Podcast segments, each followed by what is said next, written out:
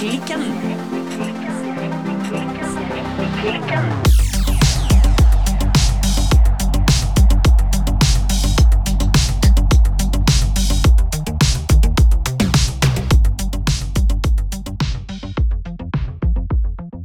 Hei, Birte. Hallo, Silje.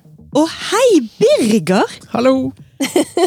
Vi har besøk. Av en mann i studio. En mann. Men, altså, det er bass i opptaket på stemme på strikkeklikken denne uken. Ja. Rett og slett. Jeg snakker ikke helt i bass til vanlig, men jeg kan gå ned her. Det er kanskje litt sånn en mann som strikker. Vi trenger litt bass. Da må vi jo rett og slett si formelt velkommen til Birger Berge. Tusen takk. Veldig kjekt å være her. Det er så kjekt at du er her. Du skal være med oss i hele dag. Sannelig. Ja, vi har besøk eh, i strikkehytta. Vi har hatt det en gang før. Da var det strikkekaffe som var her. Ja. Tidligere i høst. Det var veldig koselig. Men i dag så har vi da altså vår alles Birger Berge med oss her. Og det er jo så Hva skal jeg si? Navnet ditt klinger så bra. Jeg må liksom bare si både fornavn og etternavn. Altså, Der var jo mamma og pappa veldig flinke med å gi meg et navn som liksom funka i, liksom, ja. i hva skal en si da, markedsføringssammenheng. Ja, ja, ja. Altså, Bokstavrim er tingen, så jeg føler at jeg sitter her og er litt sånn Birte og Birger Berge. Og Jeg så- jeg syns alltid det er gøy hvis jeg er utafor Bergen, for det er liksom sånn Birger Berge i Bergen. Oh. Det er alltid veldig fint. Ja. Ja. Å, det er veldig flott. Birger Berge i Bergen, ja. ja den, den klinger veldig godt. Det er catchy. Men vi må jo ta standardspørsmålet, da. Birger, hva strikker du på i dag? Jeg strikker på eh, noen nye sokker. Ja vel? Ja. Og så strikker jeg på to nye gensere. Eh, og så strikker jeg på ei eh, bukse. Oi! Ja, det blir Ja. veldig gøy. Jeg bare sliter litt med å få til helt sånn overgangen mellom liksom beina og resten. Det kan være litt sånn tricky. Men også gjør det liksom på innfallsmetoden, så, så det blir veldig spennende. Oh, ja. Eh, Men det er jo et stort prosjekt, veldig gøy. Målet er å ha det ferdig til jul, så jeg kan lounge i ei veldig deilig strikka bukse. Ja. Det blir fint.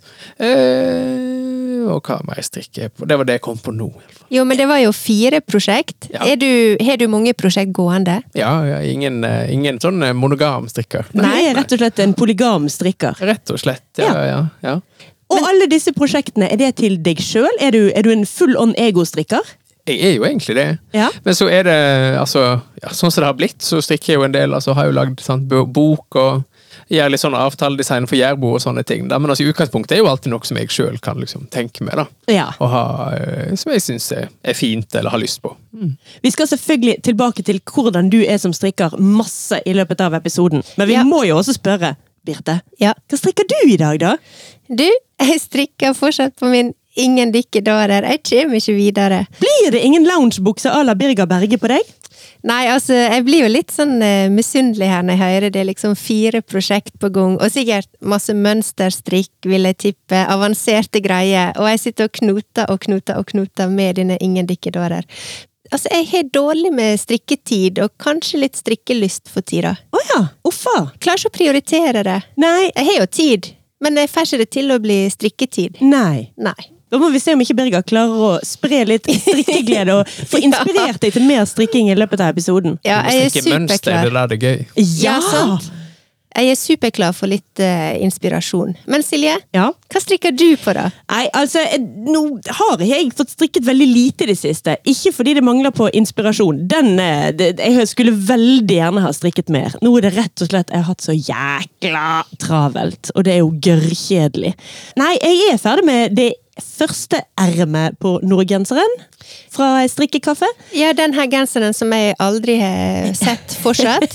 Den hemmelighetsfulle genseren, den Ja. fins. Ja, er du sikker? Jeg, altså Hvis du bare hadde fulgt litt mer med på Instagram, du, så hadde du sett at jeg hadde lagt ut der.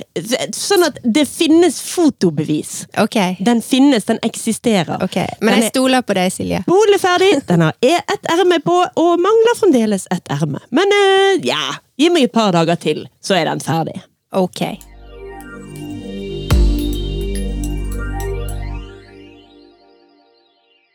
Men i dag når vi har besøk her i strikkehytta Av selveste Birger Berge. Ja. Du må si begge navnene. Jeg skal ikke si det hele tida, altså. Men det er veldig hyggelig, det. altså. Lover. um, men vi trenger jo en skikkelig introduksjon av deg. For jeg føler jo at uh, du er litt sånn strikkecelebrity, rett og slett. Um, så Birger, hva, hvordan starta du med strikking, eller hva, hva er det du driver på med? Altså, strikking har jeg jo egentlig gjort nesten så lenge jeg kan altså, huske det. Altså, Ja. jeg kan liksom, det å kunne liksom rettmaske har jeg på en måte alltid liksom det, det kunne jeg, liksom. Men det tok ikke helt. Um, og jeg, jeg, jeg var alltid sånn som lagde masse ting og sånn, og sydde og tegna og liksom, og vevde og alle disse tinga der. Jeg var veldig opptatt av det, og kunst og håndverk var jo åpenbart favorittfaget. Selvsagt. Uh, og det å hente opp undertråden var ingen utfordring. Um, det gjorde meg ikke veldig populær, det skal sies, men, eh, men um, Du fikk eh, ikke poeng, liksom? Nei, ikke helt. ikke helt. Og så når det var, når det var valgfag i 9. klasse, eller 10. klasse, mener jeg, så var det mest populære var jo å ta mopedlappen. Ja. Eh, og alle rakk opp hånda skulle gjøre det. Jeg eh, valgte å hekle. Å, det er nydelig. Ja, det var koselig, det. Nei, og så eh, ja, begynte jeg å strikke mer og mer etter hvert, da. Eh, og det tok liksom litt sånn over på, på håndarbeidsfronten, da. Sånn dominerte der. Og så eh, fikk jo en Instagram-konto etter hvert, da. og den yeah. um, og la ut ting der og sånt etter hvert, og og begynte å lage, legge ut litt sånn småting som jeg lagde sjøl, altså litt sånn enkle sånn huer og sånn, og så eh, begynte denne kontoen å vokse veldig, da. Ja. Eh, på et tidspunkt. Jeg vet ikke helt hva som skjedde, egentlig. Nei, for jeg så på Instagram at eh, altså første posten som du la ut der, var i 2016. Ja. Og så begynner det å komme litt mer og mer strikke, strikkerelaterte bilder der. Men hvordan begynte den eh, snøballen å rulle? Når gikk du liksom fra å være en slags sånn eh, hobbystrikker til kanskje litt mer sånn semiprofesjonell? Vil du fortelle litt hva du, hva du har gjort? Nei, altså, hva har jeg gjort, da? Eh, Nei, altså, det begynte jo sant, få mer likes og få mer uh, følgere og sånt, og så um, begynte det å så la jeg ut mer og mer, liksom, og sånt, og begynte å tenke litt mer på, på egne oppskrifter og sånt. Og så begynte det å bli litt mer oppmerksomhet rundt når jeg f.eks. for eksempel eh, Dere husker vi sitter Bladet Garn som var ute en stund? Det norske liksom indie-strikkemagasinet. De hadde ute en eh, sånn eh, liten konkurranse, da. Eller sånn en call for liksom eh, design. Er en utgave som er norsk, norsk tradisjon og noe sånt. Og så strikket jeg en liten prøvelapp der og sendte inn og til den, det som er Åklekofta, da. Som er mm. i første boka mi. Ja. Eh, og de tente jo på den ideen og sendte tilbake med en gang at det vil vi gjerne. Og da tenkte jeg litt sånn herregud, nå må jeg jo lage et koftemønster. Så da måtte Ja. jeg jo lære meg dette her, da. ja. Så det var jo, har jo vært en veldig eh, brå læringskurve. Ja. For jeg tenker jo, altså for folk som, Det må jo være noen der ute som ikke har hørt om selveste Birger Berge fra Bergen. Altså, Du er jo som strikkedesigner. Jeg kjenner til deg, og vil jo da, hvis jeg skal liksom litt strengt og bestemt putte deg i bås, så er det jo en uh, mønsterstrikker jeg forbinder, forbinder med deg. Ja. Ja. ja, ja, ellers syns jeg det er litt kjedelig. ja du, er, du er ikke noen ensfarget glattstrikkemann. Nei, men det kan, det kan hende noe. Jeg strikte meg en prøvelapp her om dagen i, i lammull og plum. Det var veldig deilig. Oi, Så det kan hende det blir noe ensfarga, eh, litt sånn moheriaktig. Så Det blir jo, kan jo bli deilig. Men, eh, men så absolutt en mønsterstrikker. Og så, jeg ser jo ikke på meg nødvendigvis sjøl som en um, designer, da. Det er liksom litt sånn det har blitt. Ja, for jeg tenkte litt på det når du, snak, når du snakket om Instagram-kontoen, så snakket du om at etter hvert la ut ting som du laget sjøl. Da er det jo viktig å poengtere at det du sier da er etter hvert la du ting, ut ting du hadde designet sjøl. Ja, ja, ja. Så du var jo en strikker først, og så en eh, strikkedesigner etter hvert. Ja, ja.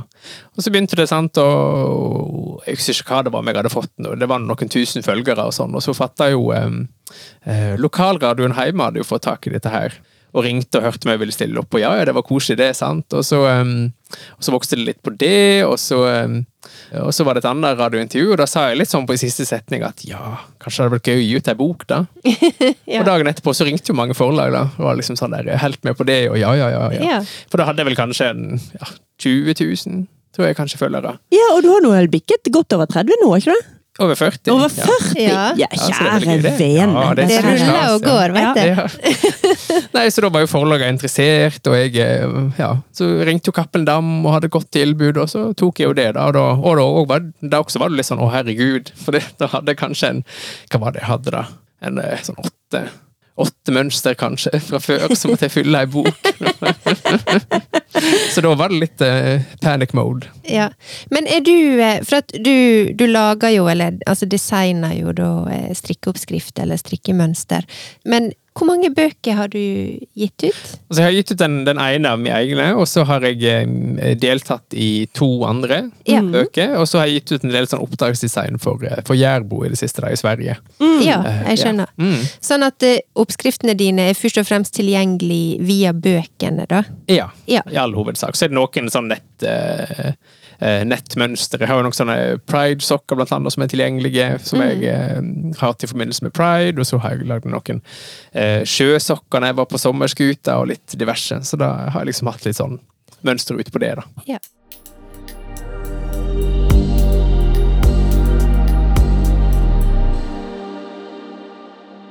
I denne episoden, når vi har med oss deg, Birger, så må jo vi snakke om mønsterstrikk. For det føler jeg er liksom eh, Det, det er deg og din eh, forse. Ja, jeg liker det. Ja. Eh, og det er jo ikke det enkleste. Var det det du begynte å strikke? Nei, det tok jo litt lengre tid. Altså, jeg strikket jo sånn, eh, sånn typisk dårlige nybegynnerprosjekt med et skjerf, sant? så liksom bare eh, I marineblått og rosa for øvrig. Oh, Ja. Eh, Ja, veldig, veldig pent. Ja. Er det fremdeles i bruk? Det Eh, nei, overhodet ikke. Men hva var det som gjorde at du begynte å interessere deg for mønsterstrikk? Nei, hva var det egentlig? Jeg tror det er litt fordi jeg syns det er pent. Mm. Um, og så er det jo Jeg var spesielt fascinert over mønsterstrikka votter, da, egentlig. Altså, Som jeg synes var, så veldig gøy ut. Og, og så strikket jeg jo selvfølgelig også når disse julekulene kom. Sant? Arno Carlos strikket jeg jo en del av. Ja. Faktisk så var det jo på For der var, hva var jeg, da? Jeg tror jeg var 20, kanskje. Og Ja. Da hadde denne boka ute, og de var på sånn julekuleturné. Det var jo så digert, det greiene der. Så skulle jeg få ut på lansering eller sånn greie på, på Lagunen, der de skulle være. da. Så satte jeg meg ned og var tidlig ute og venta på oss og strikka. Så plutselig sto jo Carlos der foran meg og bare Kan ikke du bli med opp og sitte i sofaen og strikke? Så jeg satt på hele lanseringen og strikka julekule sammen med dem. Liksom, mens de snakka og styrte på. Jeg satt der bare pent og strikka. Så Det er fantastisk! ja, det var kjempekoselig. Så det var litt sånn din introduksjon til litt sånn eh, rett og slett? Ja, jeg vil ikke akkurat si det, men Du var jeg var veldig starstruck, det var jeg. ja, og du var litt scenedekoren til Arne og Carlos på Ja. Lagunen. Ja, ja. Så dette her synes jeg er veldig stor claim to fame. ja, absolutt. Men eh, du begynte i hvert fall med mønsterstrikk eh, på et eller annet tidspunkt. Men eh, hvor fant du, eller finner du inspirasjon når du strikker mønster, eller når du også designer mønster? Nei, men Det er jo så masse Det er kanskje mest i sånn Selbu-tradisjon, for der er det så masse varianter og alle mulige sånn stjerner og fyllemønster og ikke sant, og i det hele tatt. Og så, eh, så noen ganger så jeg har sånn der rute, eh, rutehefte da, som jeg bare sitter og tegner i av og til, og så liksom finner fram til sånn hvordan jeg kan sette sammen og plassere, og ja, alt etter hva jeg liksom har lyst til å lyst til å lage, da, på en måte. Så er det noen ting som jeg synes at dette blir kanskje fint på en sokk, og dette blir fint på ei, på ei jakke, og sånn. Så liksom sånn, sånn jobber jeg. da. Så det er veldig sånn, litt sånn tilfeldig, og sånn på innfalls, eh, innfallsmetoden, da, egentlig. Ja. Men du er virkelig så eh, håndfast. Altså, så materialtro og eh, direkte at det er på penn og papir og ruteark. Det er ikke noe app eller eh, datamaskin. altså hvis, jeg, hvis jeg skal skisse, så liker jeg godt å ha blyant og sånn. Og, øh, men hvis jeg, når jeg først liksom kan tegne det inn, og sånn, så bruker jeg jo da, altså, da bruker jeg program og sånn. Og, ja. Ja. Så det er litt sånn øh, I skissefasen så er det gjerne fysiske liksom, remedier, men så senere så blir det jo eh, data, da. Ja. Jeg ser for meg liksom huset ditt der det bare ligger sånne ruteark med sånn, sånne små kryssete krysseduller og ting som kan bli noe i fremtiden overalt. Jeg rydder dem vekk. likevel i sånn pene, rette linjer helst. Det syns jeg er koselig. Så jeg rydder dem vekk, og så tar jeg dem opp igjen, og så jobber jeg litt, og så legger jeg dem ned igjen. Ja.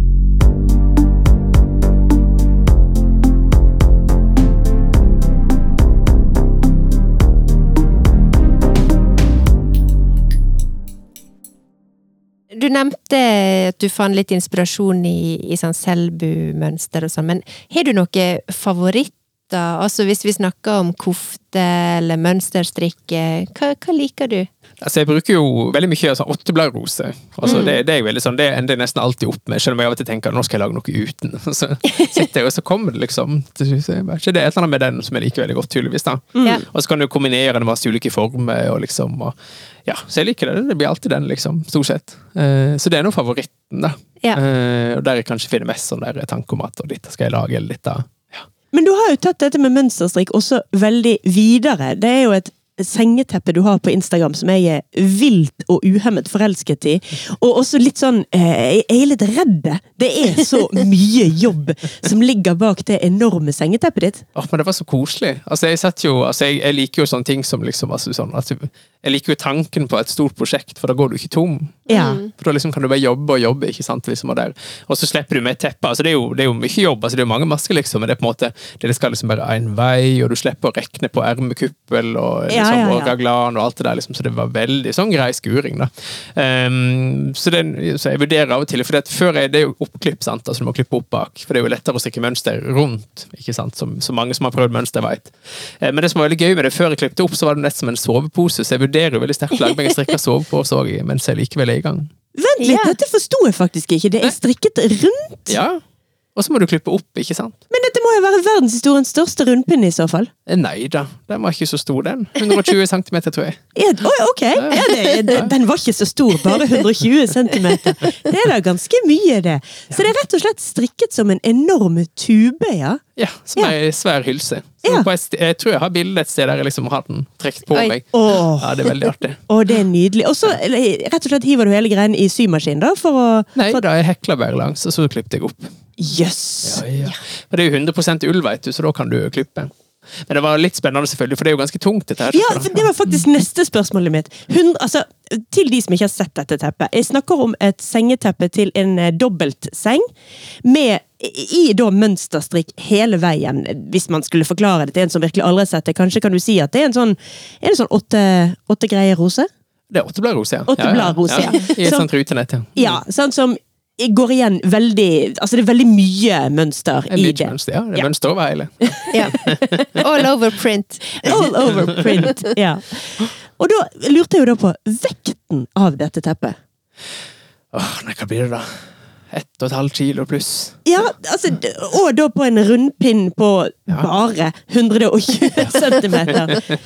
Det var, liksom, det var jo veldig sånn altså, omstendig å flytte det med seg etter hvert som det ble stort. der, for det tok mye plass i bagasjen.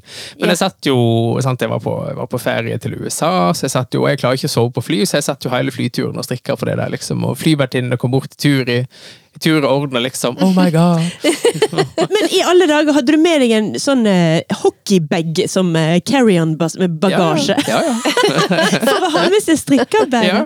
Og de kompisene mine de sov gjennom hele flyturen. Jeg klarer jo ikke å sove på flyet, så jeg satt jo der og bare Se på det. Yeah. Det var veldig hyggelig, det. Så jeg tror jeg må legge opp noe sånt igjen. da. For nå er jeg snart ferdig med buksa, sant, og liksom Og så må Ja, nei, altså. Fordi at altså Ting går jo så fort.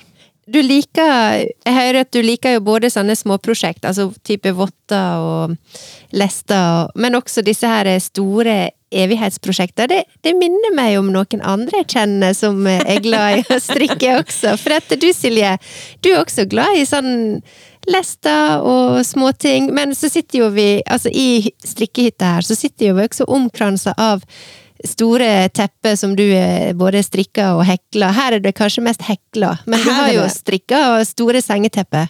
Ja, men altså når du nå gjorde meg obs på at jeg sitter med et eh, ekstremt stygt hekleteppe hengt opp bak meg, og her sitter selveste Birger Berge fra Bergen og ser på denne her eh, grovjobben her. Altså, ja, det var noe fint, det. Sammenlignet med Birger Berge fra Bergen, jeg klarer ikke å slutte Altså, å si det, så er jo jeg en grovstrikker. Jeg er jo virkelig ute, ute å kjøre sammenlignet med deg. Ja, men altså liker det litt grovt av og til, om det er lov å si.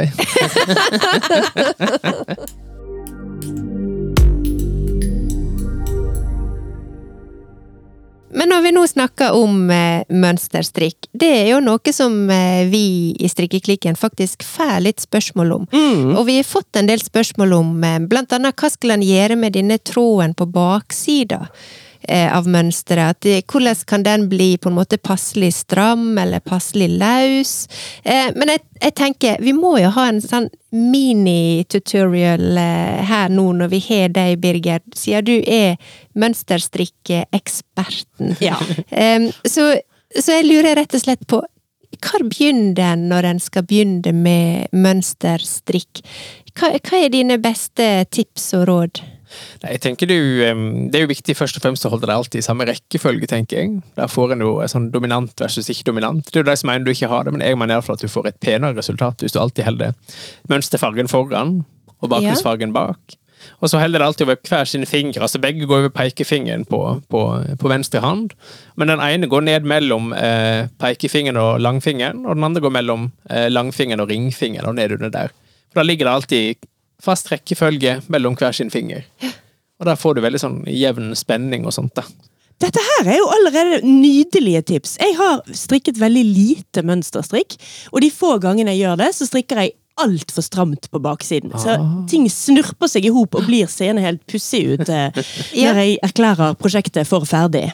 Eh, Så de få gangene jeg har gjort det, jeg har strikket én lue, den fikk søsteren min, og én vått, og det var jo en vått for lite. Så det er de to gangene jeg har strikket mønsterstrikk, altså med to tråder. Og du har vel aldri gjort det, Birte? har du? Nei, jeg har ikke drista meg på sånt ennå. Jeg ser på meg sjøl som såpass eh, dårlig nybegynnerstrikker at uh, dette blir litt sånn avansert for meg. Jeg tror eh, altså, folk må jo bare våge, tenker jeg. da. Det er jo litt Ja. der at liksom, folk, til, folk prøver en vått kanskje en gang, og så går ikke det helt, og så slutter en med det. på en måte. Så det er jo bare, altså det er jo litt øvelse, selvfølgelig. da. Mm. Så dermed vil jeg jo for eksempel, altså Julekulene er jo fine sånn sett. Ja. Dette får du øvd deg på små ting. Så det var sånn en fin eh, Når jeg, når jeg var litt eh, eh, ung og uvant med det, da, på så, Ja. så, så stikka masse julekuler. Det var sånn fin øvelse, da. Ja. ja, så det er litt more is more, rett og slett. Det er, det er ei øvingssak som er det meste anna. Rett og slett. ja. Men hva er ytterste grense på Altså Når du strikker et mønster sant, og har to tråder, så skal du jo da ha et visst antall masker av én tråd, og så skal du inn med den andre. Mm. Hva er den ytterste grensen av hvor lange sånne hopp du kan ha? Hvor mange masker er det? Er det? Altså, jeg bruker jo, hvis det er mer enn fem, så surrer de bak, altså surrer de om hverandre bak. eh, Hvis, Ja. det, hvis det er mer enn det, da. Ja, Så så lenge du surrer, så kan du egentlig ha nærmest uendelig mange? Ja, ja, ja, da kan det være lange sprang. Ja. Ja, ja. Så det er ikke noe problem. Men Nei. eh, fem, da eh, Ja. Allerede her så skjønner jo jeg at det var problem den ene gangen jeg eh, gjorde det, for der var det sprang på syv på det meste, og jeg surret ikke. Ah, nei, da vet du. Ja. Se her, vet du. Dette Ja. her. Og, og det var på den votten, så jeg hadde jo også skjønt at hvis jeg hadde tatt hånden inni der, med de sprangene der Så hadde du tatt tråden, da. Ja. Jeg hadde jo det, men den tråden var jo allerede altfor stram, så ei og nei og nei. Men jeg må spørre videre, for at eh, selv om jeg ikke har eh, begitt meg ut på mønsterstrikk eh, enda, så har jeg fått med meg at det finnes ulike utstyr som du kan ha for å holde orden på disse trådene. Bruker du noe, sant? Eller Nei, er du hardcore? Jeg er hardcore, eh, bruker bare, bruker bare hendene. Ja, og du syns det fungerer best? Jeg syns det fungerer, ja. ja. Ja. Du må liksom bare bli vant med det å holde tråden på den Altså, på den måten der, liksom. Eller liksom Ja. Som du sjøl finner mest komfortabel, og så Ja. Jeg tror det blir mye mer, ofte litt mer sånn styret med disse verktøyene og sånt. da. Ja. Og så er det litt der da, at disse verktøyene som regel er også tilpasset for damehender. Jeg har jo prøvd dem på fingeren, men jeg får det ikke på fingeren omtrent. sånn. Nei, Det er det er ikke tenkt hender. på, ja. Ja. Så det er ikke til, for du finner ikke liksom mannestørrelsen. Nei, sant? Nei, det har jeg ikke tenkt på det hele tatt når det gjelder strikkeutstyr. At det er sikkert at det er tilpasset eh, kvinnehender, ja. Ja, det aller meste av det er jo tilpassa kvinner. Mm. ja. Ja.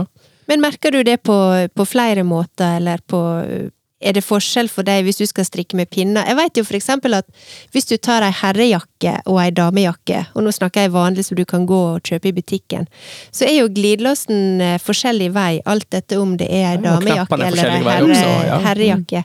Men er det noe du merker når du strikker? Ja, altså det er jo disse der uh, forskjellige reglene der, sant, med, med hvilke side det skal være på og alt det der. Og så er det noe ja, altså sånn, Jeg merker spesielt en del sånne, der, um, sånn type rundpinner, ofte for korte pinner. Altså litt sånn pinnedelen, liksom, for det, du får sånn der veien inni handa, liksom, på, hvis, på, hvis du har en litt større hand. da. Ja. Så, det liksom, så det er jo alltid liksom laga da, for liksom, ja, markedsførte lager for kvinner, kanskje. Mange av disse tinga. Det har ikke slått meg i det hele tatt, men dette regner jeg med at ja, eh, Ja. det er jo selvfølgelig en stor overvekt av kvinner i strikkeverden. Det er jo det. Så, så selvfølgelig er det en, helt sikkert en greie. Men det er jo sånn sett litt forfriskende. Jeg tror flere menn burde strikke for å oppdage det. For veldig mange ting i, i verden er jo lagd for, for menn. Ja. Og ikke, og ikke tilpassa, tilpassa kvinner. Sant? Så det, er jo, det hadde vært god læring i det for mange, tror jeg. at liksom, eh, ja. Ja, og merke det at, eh, at det er forskjell eh, Ja, å være en minoritet, rett og slett, Ja, på den måten. Det har alle godt av, tror jeg. leste en gang ingen artikkel om at disse her dummiene de crash test-dummiene som de lager når de krasjer biler, de er jo laget som en eh, mann. Og så når de da skulle liksom gjøre en kvinnevariant av det, så bare gjorde de de litt lettere. Men de endret ikke noe mer på, eh, på eh, fysiologien enn det i det hele tatt. Sånn at uh, ifølge crash test dummies så er altså en kvinne en litt liten mann. Ja, sant. og så vet du alt det der med sånn type altså, hjerteinfarkt, så det forsker mye mindre på kvinner. sant? Altså, det, er liksom, mm. det er veldig ja. Men eh, Det er kanskje en lang sammenligning da, til strikkeværet, men altså dog det... Vi har det med å snakke oss langt ut på viddene og Ja, ja, ja, på tur. Det det er stadig vekk avstikkere her. Ja.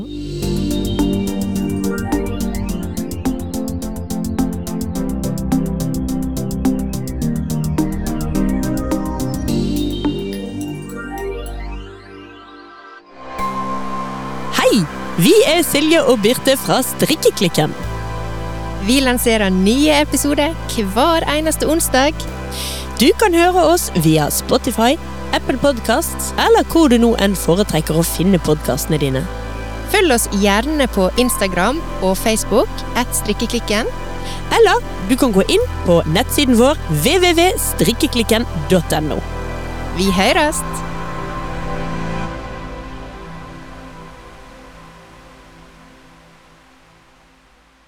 Men nå kommer jo vi litt inn på, naturlig, det her temaet menn som strikker. For at du er jo åpenbart en mann som strikker.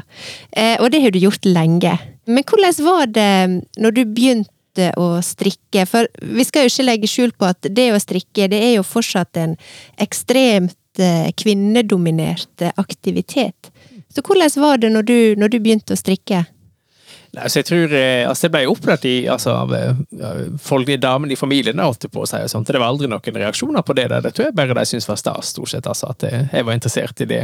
Eh, Men det er klart, på skolen og sånn, så var det ikke noe kult. ikke sant? Og, eh, og det har vært i, altså, I England, for eksempel, når jeg satt og strikket der, så blir du gjerne tatt bilder fordi folk er helt sånn Oh my God. Ja. Um, så, så det har vært forskjellig egentlig av, av tilbakemeldinger på det. liksom, og Nå i, på en måte, når Instagram er kommet med disse, altså det liksom strikkesamfunnet, da, så ser en jo at flere menn på en måte blir synligere. da. Ja. Og sånn, fall I offentlig så har det jo på en måte vært mest synlig at kvinner strikker. Um, Ja. eh, Men det blir jo, man blir jo ofte litt sånn på sida, kanskje. sånn, Man får jo enklere følgere, tror jeg, og sånt, fordi at det er liksom uvanlig med en mann som strikker, og eh, får en litt sånn annen posisjon, kanskje, da. Ja. Tror jeg man får. Men føler du at eh, altså sånn strikke-insta eller sosiale medier, har det vært med på å liksom åpne opp for menn som strikker, og kanskje bryte ned noen sanne fordommer? Ja, det tror jeg. For du har jo sånne hashtagger med sånn menn som strikker og sånn, sant? og Ja. menn hun litt og alle disse der. Så du blir jo, hvis du ønsker å liksom se, se flere som gjør det, så finner du jo det. Ja, så det tror jeg. Jeg tenker jo at det sikkert er lettere for en up and coming eh, gutt eh, som skal strikke i dag, framfor du når du var i tiende og ikke tok mopedlappen. Ja, ja. Da var det, ja, det er mye enklere nå, liksom, og man får positiv oppmerksomhet rundt det. da. Så det er klart at eh, nettet har gjort det mye enklere med alle disse tinga. Eh, og liksom få, å skape seg en liten plattform hvis man vil det, og ja. Ja, for føler du, føler du at du blir liksom heia på og eh, blir tatt, eh, tatt godt imot i strikkecommunityet? Ja, det syns jeg absolutt. Ja. Ja. Det er utrolig masse fine, fine folk som kommenterer og, liksom, og følger og eh, tar kontakt, og, så det er alltid veldig hyggelig. Så jeg syns det har vært en veldig berikelse. Ja. Oh, men, men finnes det et slags lukket, hemmelig undergrunnssamfunn av menn som strikker som ikke vi vet om? Nei Har dere et hemmelig håndtrykk? Eh, Ja, ja, absolutt håndtrykk. nei, nei, det er, jo, ikke det sånn sett, men det er jo en eh, hashtag, sant, og det er liksom Og man kommer litt i kontakt på en måte, da. Så um, ja. Så det er jo en slags community uten at det er veldig sånn uttalt eh, Men nå kjenner jo ikke jeg alle alle communities der ute, så det kan jo godt hende det er masse Jeg vet du har som for eksempel um, I New York så er det sånn Naked Knitting Nights. Men only. Så, Oh, wow! så det, det finnes så mangt. Mm. Men, men der er kanskje ikke nødvendigvis hovedfokus på strikking? Eller? Nei, jeg tror det er litt eh, Ja. Ja, strikking pluss pluss. ja. Det var denne grovheten i strikkinga som vi snakka om. Strikking and chill. Men du nevnte jo eh, Arne og Carlos, eh, og jeg vil jo tro at de har jo sikkert brøyta, brøyta vei for, eh, for menn som eh, har lyst til å strikke, og kanskje også den her offentlige strikkinga. Var du, var du litt sånn fan av dem, eller er Hva er ditt forhold til deg? Til Jo, deg? jeg er absolutt fan, og jeg syns de er veldig flinke og ja, jobber masse med spennende med, med tradisjonsstrikk og sånt. da. Så jeg syns det er morsomt å følge. Jeg følger dem den dag i dag, og Mm. syns at det er veldig, veldig gøy, da. Alt de har fått til. Mm. Så de har jo bana en slags vei for liksom strikkende menn, og ja. Det er jo litt morsomt, egentlig, sant? fordi at du, folk snakker jo alltid om det der at eh, og det er så uvanlig med strikkende menn, på en måte. men mange av de mest kjente også i hele strikke-insta og kommune, altså, det er jo mange menn, ikke sant? Altså, sant? eh, Jared Flood i Brooklyn Tweed, ikke sant? og Westnitz og Arno Carlos og alle disse der, sånn. så det er liksom veldig sånn, alltid litt sånn paradoksalt på en måte, den der at eh, oi, en mann. Ja, sant? Og så er faktisk noen av de største designerne nettopp menn. Så ja, det Og, og Pers bok var jo kjempekjent i Norge, sant? og likevel Ja. så er folk litt sånn nei, gud, en mann. Ja, det er et eller annet som henger igjen der, eh, og jeg, jeg fyller deg på det. Og det har vi også snakka om før, det paradokset at, eh, at eh, strikkebusinessen er jo i veldig stor grad styrt av menn, og de Det som har er blitt veldig. Ja, blitt liksom kjente strikkedesignere, har jo også ofte vært, vært menn på et eller annet nivå. Men du nevnte i stad det her med å strikke i offentlighet. Altså, vi, vi vet jo at, eh, at eh, sosiale medier og, og internettet generelt har jo gjort veldig mye for strikkinga generelt, men som du sa også, strikking for menn, da. Eh, Men kanskje litt annerledes med strikking i offentlighet. Er du sånn, kunne du gått på et sånn type sånn strikk og drikk-arrangement? Hadde det føltes eh, naturlig for deg, eller føles det fortsatt litt sånn Det er liksom litt for eh, damene som strikker, eller? Altså, jeg har mange venninner, så det er ikke jeg så redd for. Men eh, altså, akkurat strikk og drikk går nok ikke så masse på, for jeg har på en måte ikke alltid sånne store sånn, eh, strikkesosialiseringsbehov, om du vil. da, på en måte. Men altså, jeg strikker jo gjerne på bar, så absolutt. Og strikker på fly, og strikker på buss, og strikker liksom altså der jeg kan ofte, da. Ja. Så det er liksom å strikke i offentlighet uh, syns jeg bare, bare er morsomt, egentlig. Ja. Ja, for du lider av disse her restless hands syndrome, du også. Og, Ja, ja, ja. Jeg jeg er helt enig i det fenomenet med å strikke på bar. Ja, drikke på bar jeg er for så vidt også enig i, men strikke på bar, det syns jeg er Det er undervurdert. Ja! Helt enig. Det er jo kjempegøy. Ja. Så, men det eneste du, etter hvert som vinen går ned, så kan jo feilene gå opp, men sånn er det jo. Ja, jeg skulle eh, til å si Man burde kanskje vite når det er på tide å legge vekk strikketøyet for kvelden. Det er kanskje ikke noe man driver med på liksom strikking på nachspiel, er litt for overdrevet for min smak. Ja, nei, det har jeg gjort mindre av. Ja. ja, ja på nachspielet.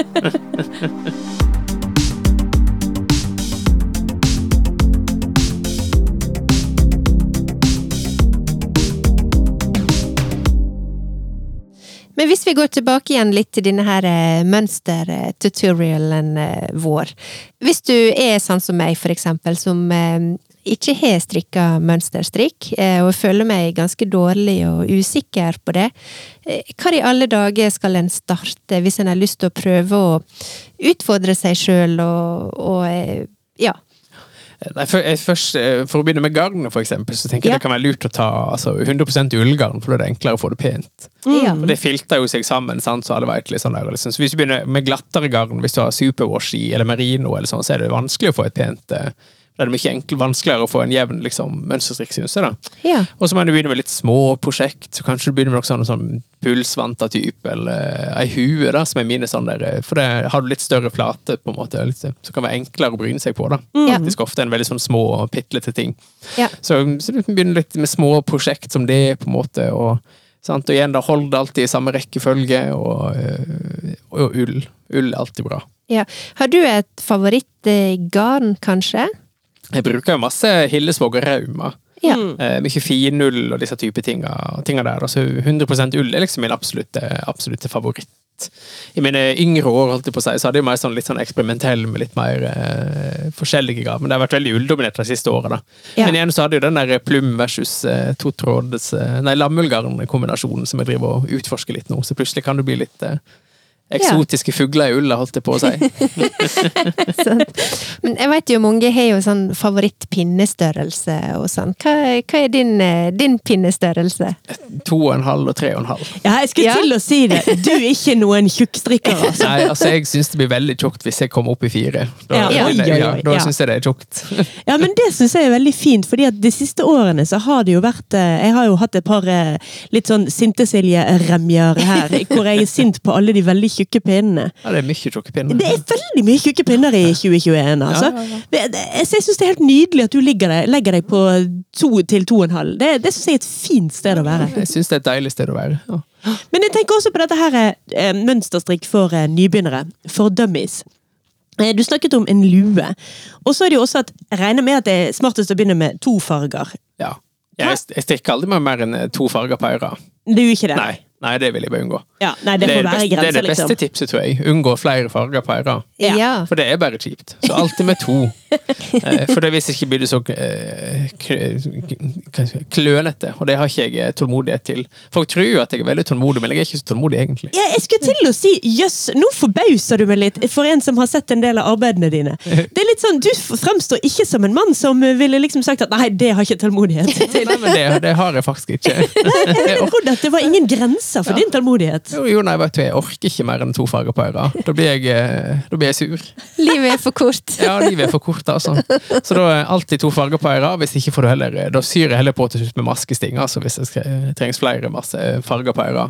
Ja, ja. Jeg orker ikke. Jeg blir sur. Men apropos eh, farger. Du har jo eh, selv om du nå sier to farger, men eh, du har jo ganske fargerike eh, design eller eh, mønster.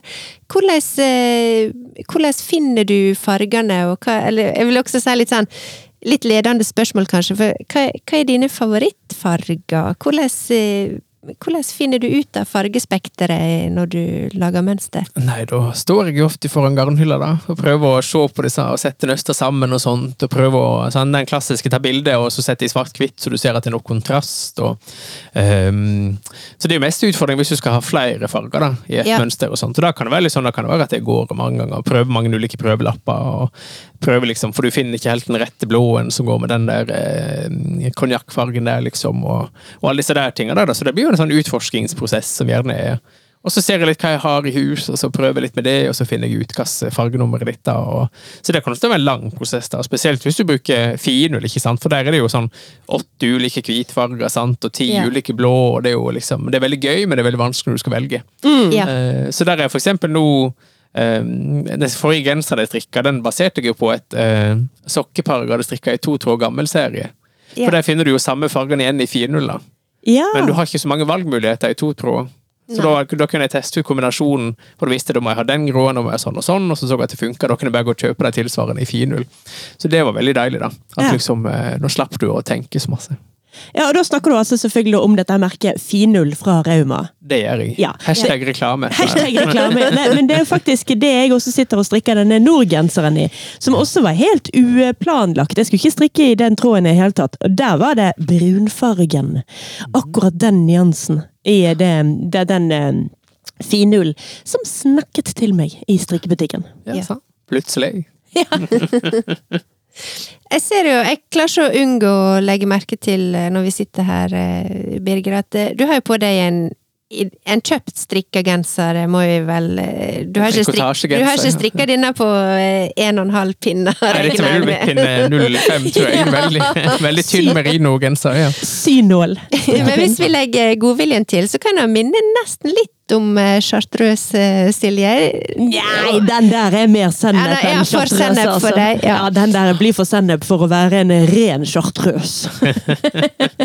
Men det var en nydelig farge, og jeg, det er en farge jeg er veldig glad i. Akkurat den du Ja. sitter i der. Ja, det er type sånne varme farger jeg liker best. Og litt sånn, ja. Ja. Ja, jeg er dårlig på um, blå, stort sett bruker jeg ikke så veldig masse av egentlig, og grønn bruker jeg nesten ikke. Nei! Så grønn er jeg ganske dårlig på, spesielt, kanskje. Um, men en sånn varme, sånn oker og djuprød og mørke blotter og liksom, sånne, farger er jeg veldig, veldig glad i. Ja. Så du er rett og slett eh, haust når det kommer til farger? Jeg vil absolutt si haust, ja. Ja. ja, ja.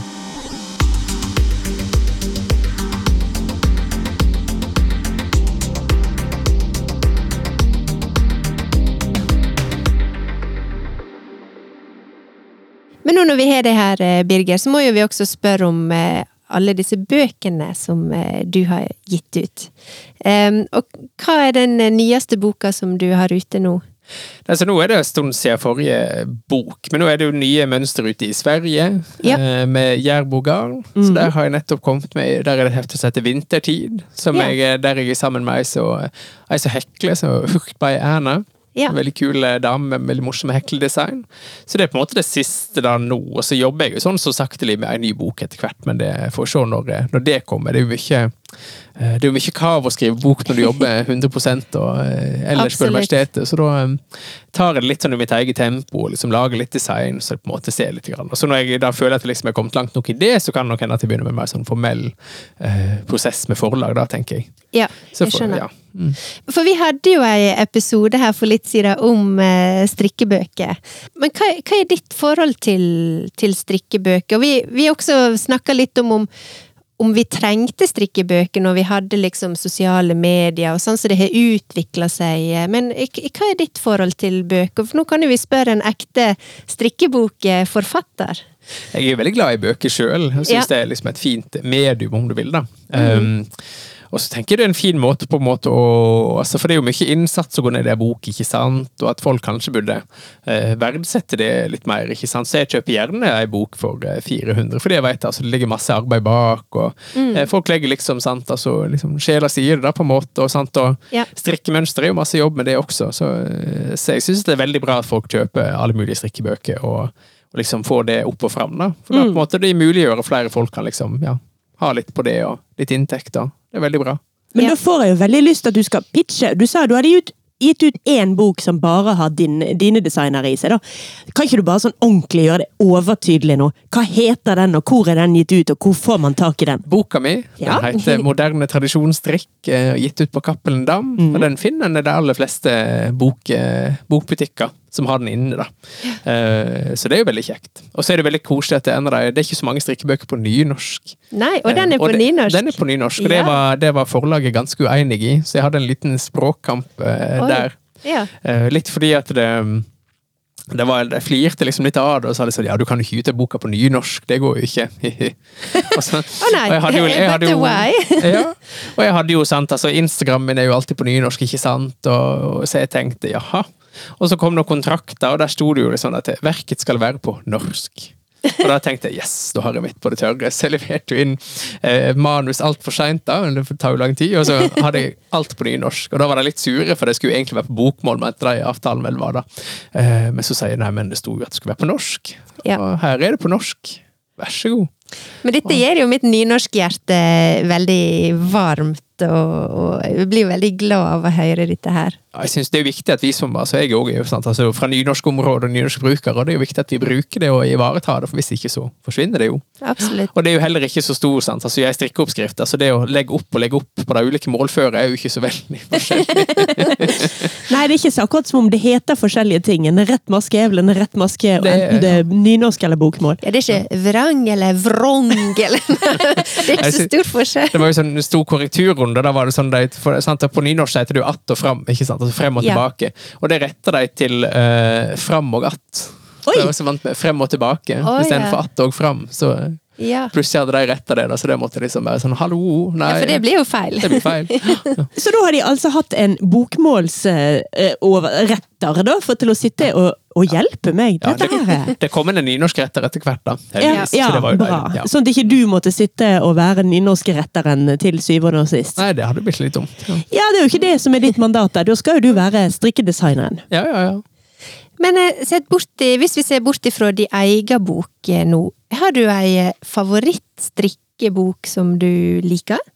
Åh, jeg vil, Anna Bårdskog sine Selbu er jo fantastisk, da. Disse to, eh, to eh, med den Selbu-tradisjonen, da. Litt sånn der, sånne ting som liksom tar fram tradisjoner sånn, syns jeg, er- synes jeg er veldig gøy, da. Men om jeg skal komme med en brannfakkel, Ja. så har jeg kanskje litt mer i det siste vært irritert på strikkebøker. Oi! Ja. Ja. Kom med det. Jo, fordi at jeg satt og så på sånn eh, God morgen Norge-innslag med Märtha Louise, vår, eh, altså prinsesse Märtha Louise, da, og så han Lasse Lom fra uh, Kjendisfarmor og alt det der, liksom. Ja. Og så sitter de der på det opptaket der, kan nesten ikke strikke, ser det ut som, sitter og knøter med noen pinner, og så har de gitt ut strikkebøker. da. Ja. Og det er sånn som irriterer meg litt. For jeg tenker liksom at da blir det jo litt sånn kjendisfaktoren de selger bøker på, og det er liksom ikke Og så vidt jeg vet, så er det jo bare andre strikkefolk som har laga mønstre i disse bøkene. og sånt, og det sånn synes jeg blir bare teit. altså. Ja. Det syns jeg ødelegger litt for respekten for, eh, for strikkinga da, som et eh, håndverk og som et eh, Jeg vil ikke si fag nødvendigvis, men altså liksom sånn at jeg synes jo at det som er så fint med Instagram, som er kommet nå, sant, det er så mange fine folk som jeg følger, sant, som kommer ut med bøker og liksom har en profil og gjør ting på en måte litt sånn Det blir nesten litt sånn indie, på en måte, ikke sant? At på en måte at Forlaget tar jo inn disse folka som gjør veldig mange fine ting, og så blir det bøker. ikke sant? Og da blir det, liksom, det blir personlig, det blir liksom det blir skikkelig, og det er på en måte designerne får liksom litt sånn komme opp og fram. da, sant? Altså sånn som On top of my head, sånn Vitre-design, ikke sant? Kjempedyktig. Og Veldig Nitz, ikke sant? Lenka Naumann, fantastisk. Ja. Og alle disse her ikke sant? som får komme fram, som ikke sikkert hadde fått Det er ikke sikkert det hadde fått kommet fram tidligere i tid, ikke sant? Og så, men nå på en måte og så, Men så kommer han da med disse der som altså, ja, disse to bøkene som jeg tar fram, da med Märtha Louise og Lasse Lomme, som er liksom litt sånn der Jeg syns ikke noe om deg, altså. Jeg, jeg, Hadde altså, de strikka kunne- og designa alt sjøl, ja vel, men det er jo ikke tilfellet her, så vidt jeg vet, og da syns jeg bare det blir eh, teit. Ja.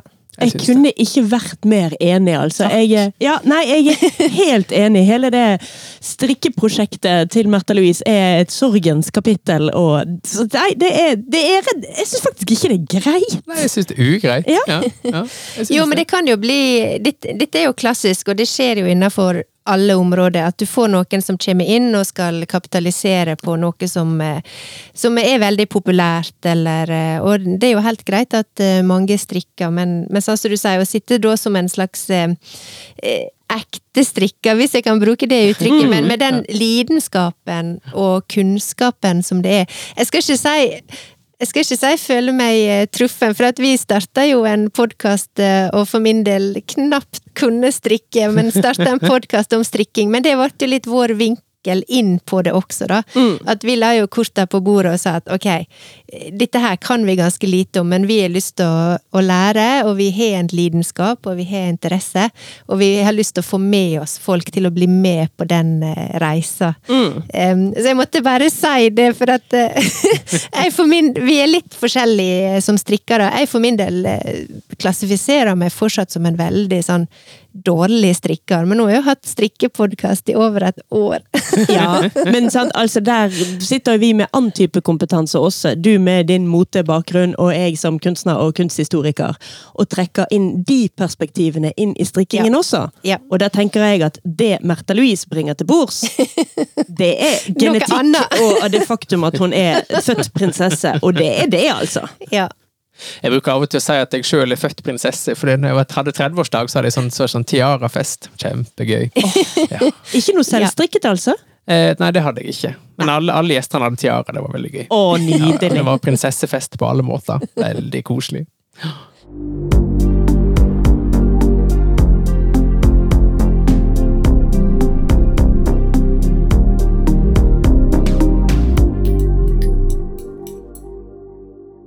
tenker jeg at egentlig så har eh, Birger og meg kommet med en slags felles anti-anbefaling denne uken. Vi har det.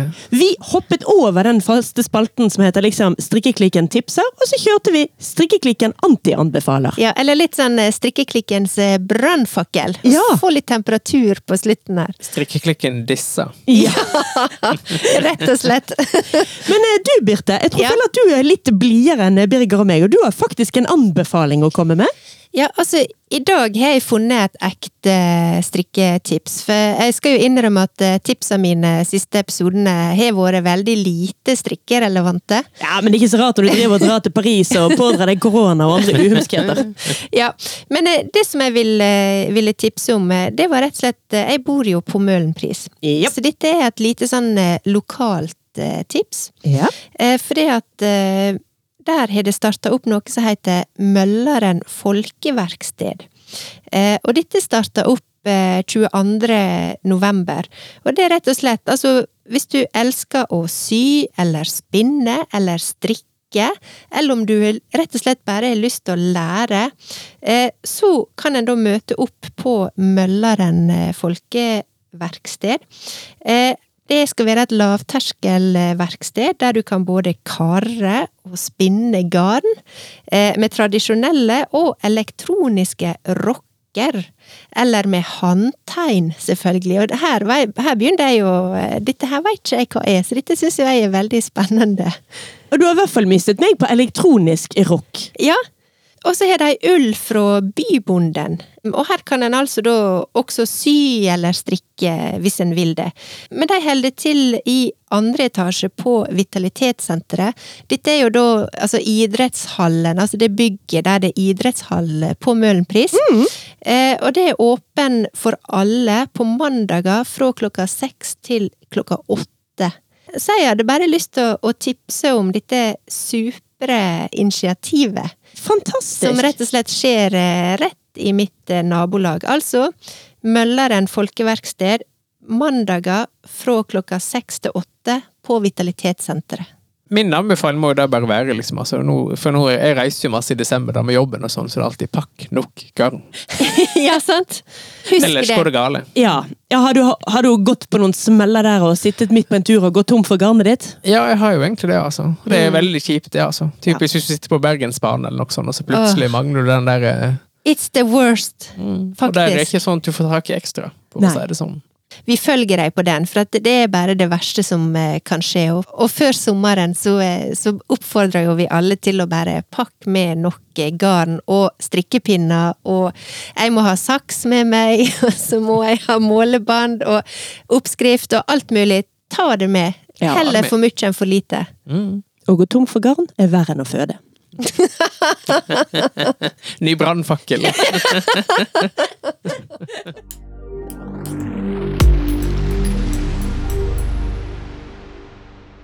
Men uh, dette har jo rett og slett vært pokker så hyggelig. Gud, hvor gøy. Ja, altså Ja. dette, Birger, dette må vi gjenta. helt Ja, sannelig. Ja, altså Vi må ha deg inn i studio i ny og ne. Du må komme hit med litt sånn bassstemme. Ja. Og komme med, og komme med brannfakler til oss. Ja. Jeg vil jo også bare takke deg, Birger, for at eh, du tok deg tid til å komme her i dag og være med oss. Sjøl takk, det var bare gøy. Da sier vi ha det. Ha det på badet! Ha det.